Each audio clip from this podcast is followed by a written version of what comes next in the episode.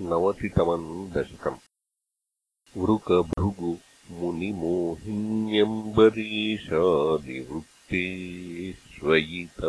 महत्त्वम् सर्वशर्वादिजैत्रम् हितमिह परमात्मन् निष्कलावागभिन्नम् किमपि यदवभातम् तद्धिरूपम् तवैव मूर्तित्रयेश्वर सदाशिवपञ्चकम् यत् प्राहुः परात्मवपुरेव सदाशिवोऽस्मिन् तत्रेश्वरस्तु स विकुण्ठपदस्त्वमेव त्रित्वम् पुनर्भजसि सत्यपदे त्रिभागे। तत्रापि सात्विकतनुम् तव विष्णुमाहुः। धाता तु सत्त्वविरलो रजसैव पूर्णः। सत्त्वोत्कटत्वमपि चास्ति तमो विकारचेष्टादिकम् च तव शङ्करनाम्निमूर्तौ तम् च त्रिमूर्त्यतिगतम् परपूरुषम् त्वाम् सर्वात्मनापि खलु सर्वमयत्वहेतोः। शंसन्त्युपासनविधौ तदपि स्वतस्तु त्वद्रूपमिति यतिदृढम् बहु न प्रमाणम् श्रीशङ्करोऽपि भगवान् सकलेषु तावत् त्वामेव मानयति यो न हि पक्षपाती। त्वन्निष्ठमेव स हि नामसहस्रकादिव्याख्याद्भवत् स्तुतिपरश्च गतिम् गतोऽन्ते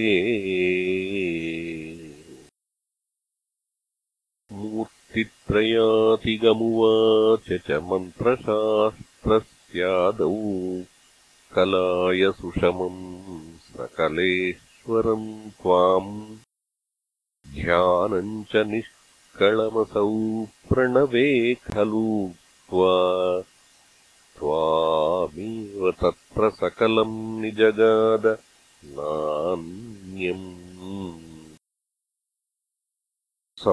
समस्तसारे च पुराणसङ्ग्रहे विसंशयम् त्वन्महिमैव वर्ण्यते। त्रिमूर्तियुक् सत्यपदत्रिभागतः परम् पदम् ते कथितम् न शूलिनः। यद्ब्राह्मकल्प इह भागवतद्वितीयस्कन्धोदितम् वपुरनावृतमीशधात्रे। तस्यैव नाम हरिशर्वमुखम् जगाद श्रीमाधवः शिवपरोऽपि पुराणसारे ये स्वप्रकृ नुगुणा भजन्ते तेषाम् फलम् हि दृढयैव तदीयभक्त्या व्यासो हि तेन कृतवानधिकारिहेतोः। कान्दादिकेषु तव हानिवचोऽर्थवादैः। भूतार्थकीर्ति तिरनुवादविरुद्धवादौ त्रेधार्थवादगतयः खलु रोचनार्थाः स्कान्दादिकेषु बहवोऽत्र विरुद्धवादाः त्वत्तामसत्त्वपरिभूत्युपशिक्षणाद्याः।